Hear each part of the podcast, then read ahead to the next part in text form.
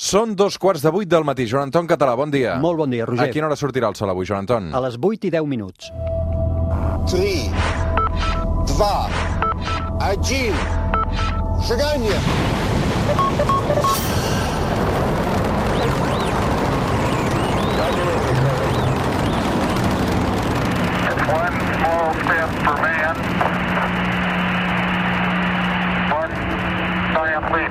for.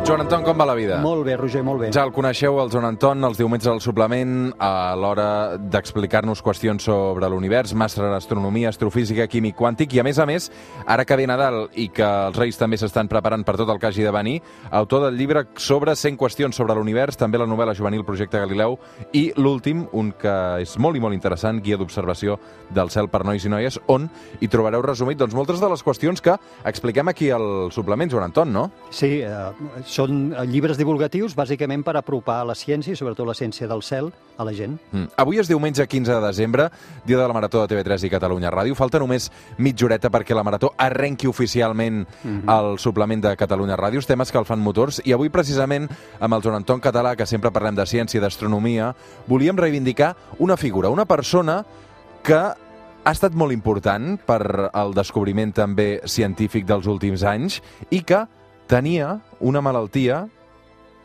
minoritària. Exacte. Parlem de Stephen Hawking. Although my body is very limited, my mind is free to explore the universe. There are no limits to the human spirit.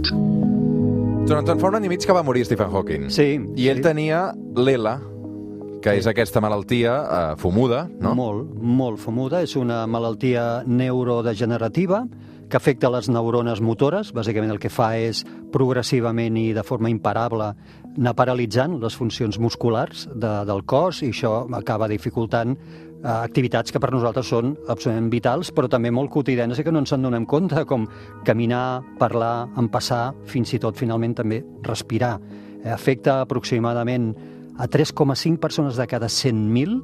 No se sap ben bé exactament què és el que, el que ho provoca i el que és més fumut de tot això és que l'esperança de vida és baixíssima, ronda entre els 3 i els 6 anys en funció de la font que, que consultis. Ell va ser un autèntic supervivent d'aquesta malaltia perquè es va morir de gran. Sí, sí, més de 50 anys des de que li van diagnosticar a l'ELA, d'una forma extraordinària, que justament el que va fer és que aquest home, una ment absolutament privilegiada, ens pogués fer les contribucions de ciència que va poder fer. Uh -huh.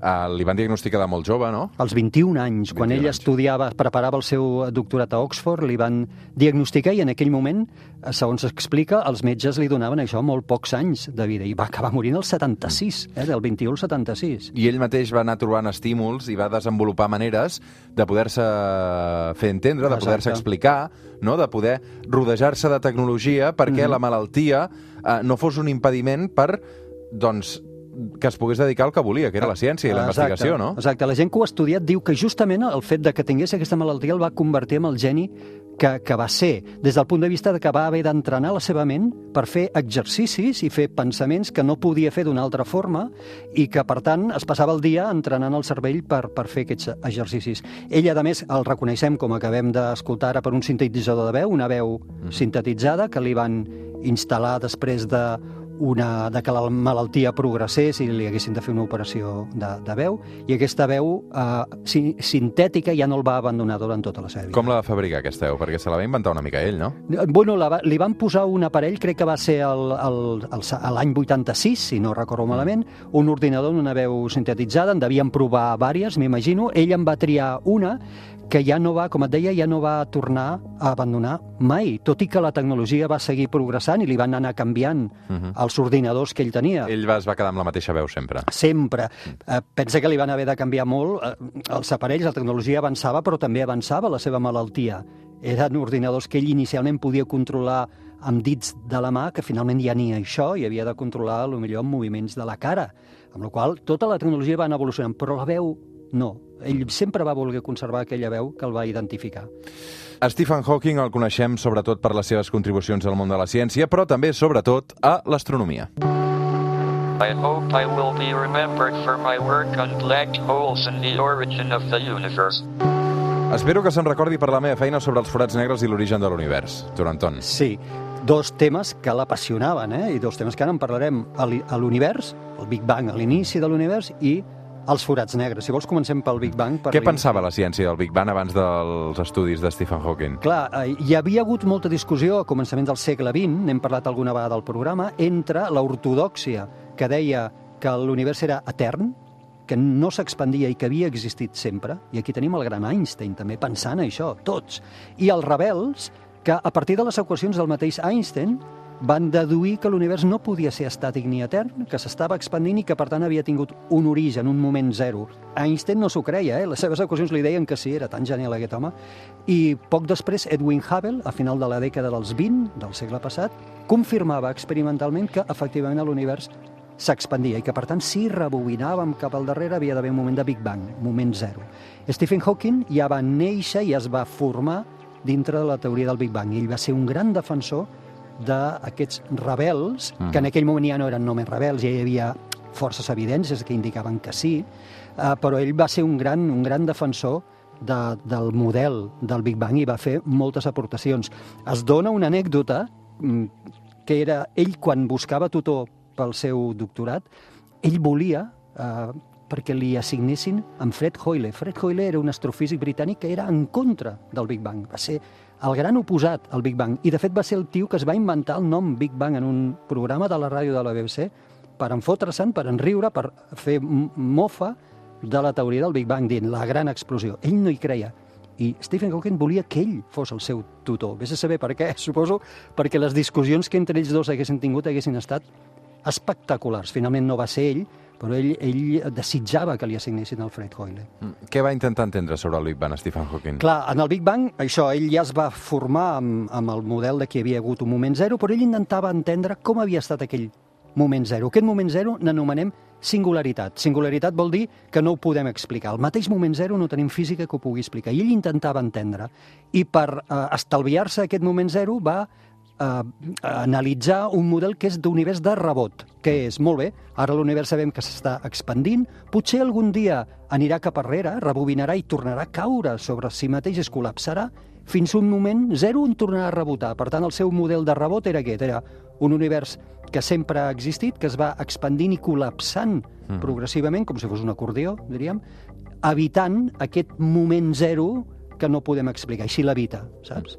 Però es va equivocar amb aquest pronòstic. Totalment, totalment, perquè ell en aquest pronòstic deia i si això fos així, el temps també tiraria enrere. Ell s'imaginava que en el moment del col·lapse és com si també rebobinéssim el temps. Per tant, d'alguna forma tornaríem a néixer i tota la història tiraria enrere. I ell poc després se'n va donar compte que això no podia ser i el tio va admetre el seu error. Era una persona que era capaç, també va ser una qualitat que ell va demostrar, capaç d'admetre els seus errors d'una forma directíssima, directíssima en públic. I va dir, m'he equivocat, no passa res, m'he equivocat. Tot això pel que fa a Stephen Hawking i el Big Bang, però tenia una relació, com ara escoltàvem, també molt, molt interessant amb els forats negres. From the outside, you can't tell what is inside a black hole. Deia, des de fora no pots saber què hi ha dins d'un forat negre. No. Encara no ho sabem, això, no? No, no, no, no, no ho sabem i des, després també en parlem d'algunes de les aportacions que ell ha intentat fer en aquest sentit. Ell, a la teoria de la relativitat d'Einstein, també predeia l'existència dels forats negres, però no s'havien descobert, no, no se n'havia vist cap, i tot era en paper, tot era en teoria. Ell va defensar l'existència dels forats negres. Ell deia que sí, que havien de ser en allà, allà fora, havien de ser tot i que no els veiéssim. Eh, Era un personatge tan irònic, com sabem també, que va apostar en contra seva. Li encantava fer apostes, li encantava. I va apostar en contra seva. La seva teoria era, si jo perdo les meves apostes, com a mínim guanyaré la penyora.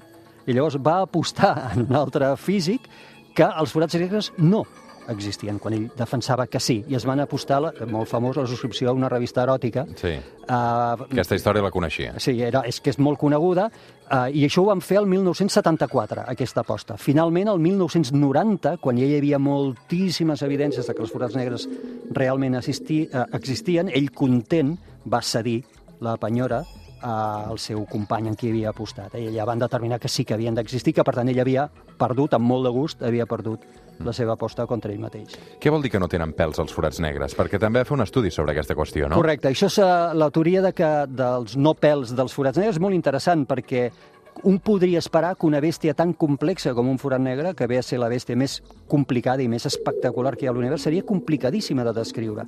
I en canvi és dels objectes físics més fàcils, més fàcils de, de, de descriure.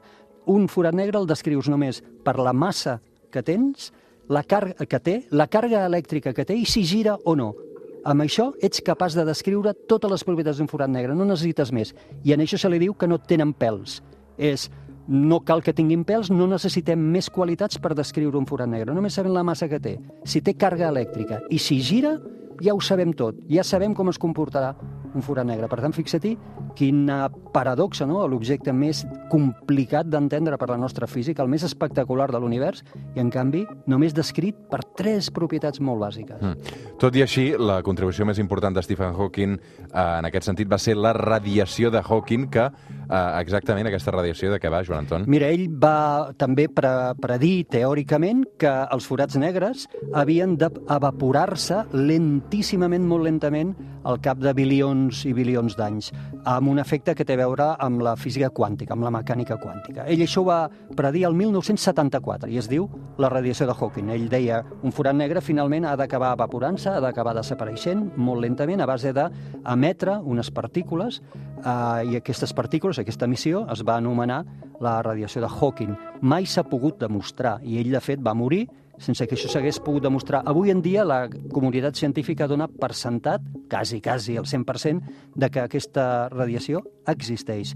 Si s'hagués pogut comprovar quan ell hagués estat viu, se n'hagués emportat un Premi Nobel, sens dubte, però aquest home se n'ha anat a l'altre món sense cap Premi Nobel, entre altres coses perquè el Premi Nobel no es dona a títol pòstum, ell ja mai en podrà tenir un, i en canvi aquesta segurament és la gran contribució. Això sí que és un descobriment seu. Així com els altres que t'he dit dels forats negres, eh, en general de com funcionen i del Big Bang, són estudis, contribucions que ell ha fet, això sí que és una descoberta, una predicció directa seva. Eh? Aquesta de que els forats negres, a poc a poc, s'han d'acabar evaporant. Obrim un nou capítol, la teoria del tot.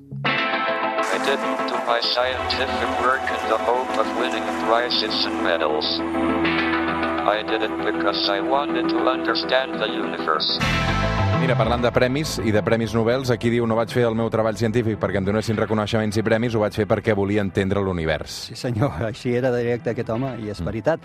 Uh, també n'hem parlat algunes vegades al programa, tenim un problema greu, tenim un problema greu amb la física, ja de fa de molt de temps, que és que no acabem d'entendre la natura. Necessitem dos teories físiques que ens expliquin la natura. Necessitem la quàntica que ens explica com funciona el món subatòmic i necessitem la relativitat general d'Einstein, que ens explica com funciona l'univers. Però has de triar una o l'altra. És com dir, en funció de del lloc que jo vulgui estudiar, si vull estudiar galàxies o vull estudiar partícules subatòmiques, has de triar una o l'altra. No en puc tenir una que m'ho expliqui tot. Això ja ens indica que, que, que ens falta, eh, que hem de, ha de venir algú que ens unifiqui totes mm. aquestes teories sense en creï una nova que englobi aquestes dues, però que en aquesta nova puguem explicar la natura eh, tota. I això és la teoria del tot, buscadíssima per molts científics. Stephen Hawking va dedicar gran part de la seva vida a unificar la mecànica quàntica amb la relativitat, buscant aquesta teoria del tot, i no se'n va sortir. Eh? Sí que és veritat que en el camí que ell va fer, va fer aportacions molt importants a la ciència, però no se'n va sortir, igual com no se n'havia sortit Einstein en el passat, i actualment hi segueixen treballant molts físics. Ja no serà segurament el que ho aconsegueixi. No serà un Stephen Hawking, no serà segurament una persona, serà un equip de científics gran, eh, i potser encara som lluny d'això. Tenim evidències a la natura que ens estan dient sí, sí, us esteu equivocant. Ha d'existir una teoria del tot. Perquè, per exemple, no podem explicar què passa dins un forat negre, ni amb la quàntica ni amb la relativitat. No podem explicar què va passar al moment zero del Big Bang, ni amb la quàntica ni amb la relativitat. Per tant, tot això ja ens diu que ha de venir alguna altra teoria física que englobarà aquestes, com la relativitat va acabar englobant la de Newton, i que acabarà sent més perfecta i acabarà quadrant més amb la natura i no necessitarem triar entre aigua oli per explicar la natura, sinó n'hi haurà una única teoria que ho podrem fer, que serà aquesta eh, teoria del tot. Mm. Sobre la vida extraterrestre també en va parlar molt, oi, Stephen Hawking? Moltíssim, estava molt interessant, molt interessant. Jo recordo aquella frase que deia que potser era millor no donar senyals a l'espai perquè potser era millor que cadascú tingués el seu Sí. jardinet i no interferir, Sí. que potser si els despertaves eh, Sí. allò podia anar de mal en pitjor, sí, no? a més, eh, molt bé. Aquesta frase, a més, la deia amb molt sentit irònic, dient si ells són com nosaltres, faríem bé no significar-nos. Clar. perquè què es pot esperar de nosaltres, no? Què es pot esperar d'ell? Tot i això, ell era un gran defensor de buscar-la. Potser no d'enviar senyals, en això que dèiem, però sí de buscar-la. I ell va ser el gran defensor de projectes de recerca de vida intel·ligent a l'univers, bàsicament basades en la captació de radioemissions volgudes o no per part de civilitzacions i hi va posar molt de suport, hi va posar eh, molta voluntat i fins i tot també va arribar a ser patró d'alguna d'aquestes eh, grans iniciatives i al final de la seva vida amb inversions importants que busquen això, busquen acabar contestant la pregunta que ens amoïna mo- a, a tots, que és que si som els únics a l'univers.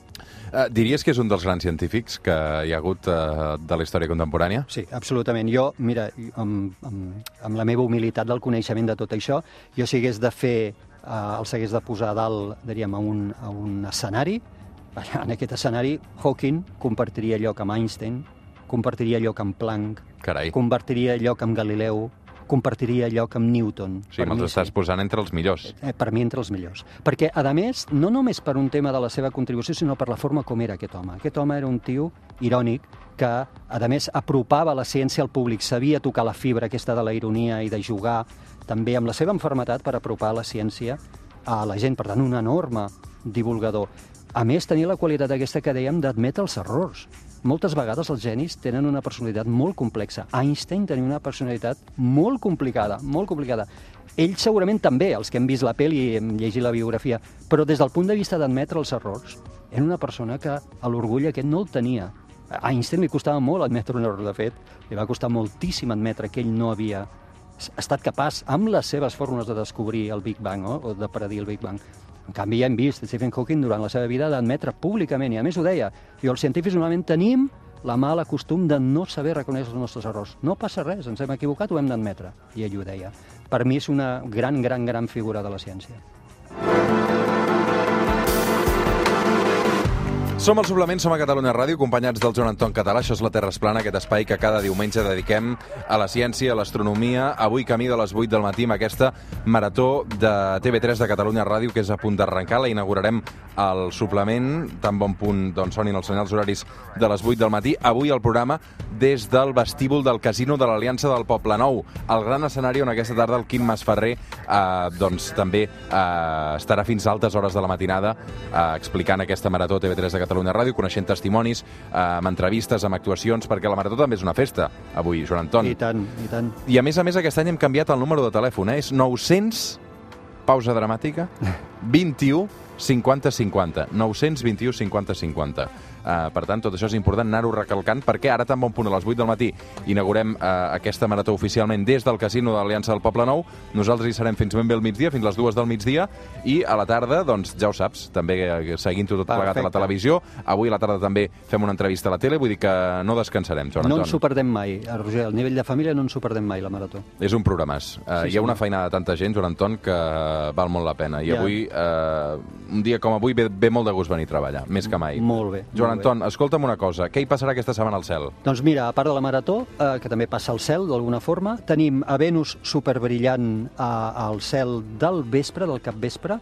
Molta gent a vegades diu, què és allò? No sembla un omni, sembla un avió. Brilla moltíssim. És la primera estrella, entre cometes, perquè no és una estrella, que surt aquests vespres, un cop el sol s'ha amagat. No cal esperar que sigui fosc, com et dic, per sobre de l'horitzó oest, eh, hi ha una mica aixecat, que potser un parell o tres d'hores aguanta aixecat a sobre d'aquest horitzó, brillant moltíssim, moltíssim, i va guanyant cada cop més alçada. I al seu costadet, eh, Saturn, una estrella més petita, que torna a ser un planeta, no una estrella, que és Saturn. Per tant, un espectacle molt xulo per poder-lo fotografiar amb qualsevol càmera de fotografia. Mm. Per cert, Joan Anton, hem d'anunciar que uh, de cara al 5 de gener, que Sí. és d'aquí uh, encara dues o tres setmanetes, eh, i que és, evidentment, la vigília de... és la nit de Reis, eh, i que tindrem programa del suplement eh, normal, eh, farem un programa dedicat als nens. Sí, senyor. I aquí hem de fer una crida ara mateix, no? Sí, eh, que ens enviïn, si plau, preguntes, notes de veu, si pot ser que diguin eh, el nom i l'edat, uh -huh. i que ens enviïn el, les noies i els nois, els, les nenes i els nens, qualsevol de pregunta que tinguin de l'univers, del cel, de la vida, de qualsevol cosa que Suplement arroba catradio.cat, suplement arroba catradio.cat amb consultes adreçades al Joan Anton Català a la Terra Esplana de nens oients, també els pares, evidentment, que els ajudin, a suplement arroba catradio.cat, perquè aquest dia amb el Joan Anton el que farem és resoldre durant tot l'espai de la Terra Esplana uh -huh. aquelles consultes que haguem rebut sí. dels més petits. Ja, permetem una correcció només, sí. intentar resoldre. Intentar resoldre. Perquè, clar, t'ho dic sí. perquè els conec, els nanos vaig molt a escoles... Són els que fan les millors preguntes. Uau, brutals. Hi ha preguntes d'aquelles que et fan a vegades que et deixen clavat. Doncs suplement arroba carradio.cat de cara al 5 de gener per ajudar-nos a preparar aquest espai de la Terra Esplana eh, i que els Reis d'Orient també estaria molt bé que regalessin astronomia i ciència, no? I tant, ens fa molta falta a nivell de coneixement i de societat en general. Gràcies, Joan Anton. A tu. Fem una pausa i tornem.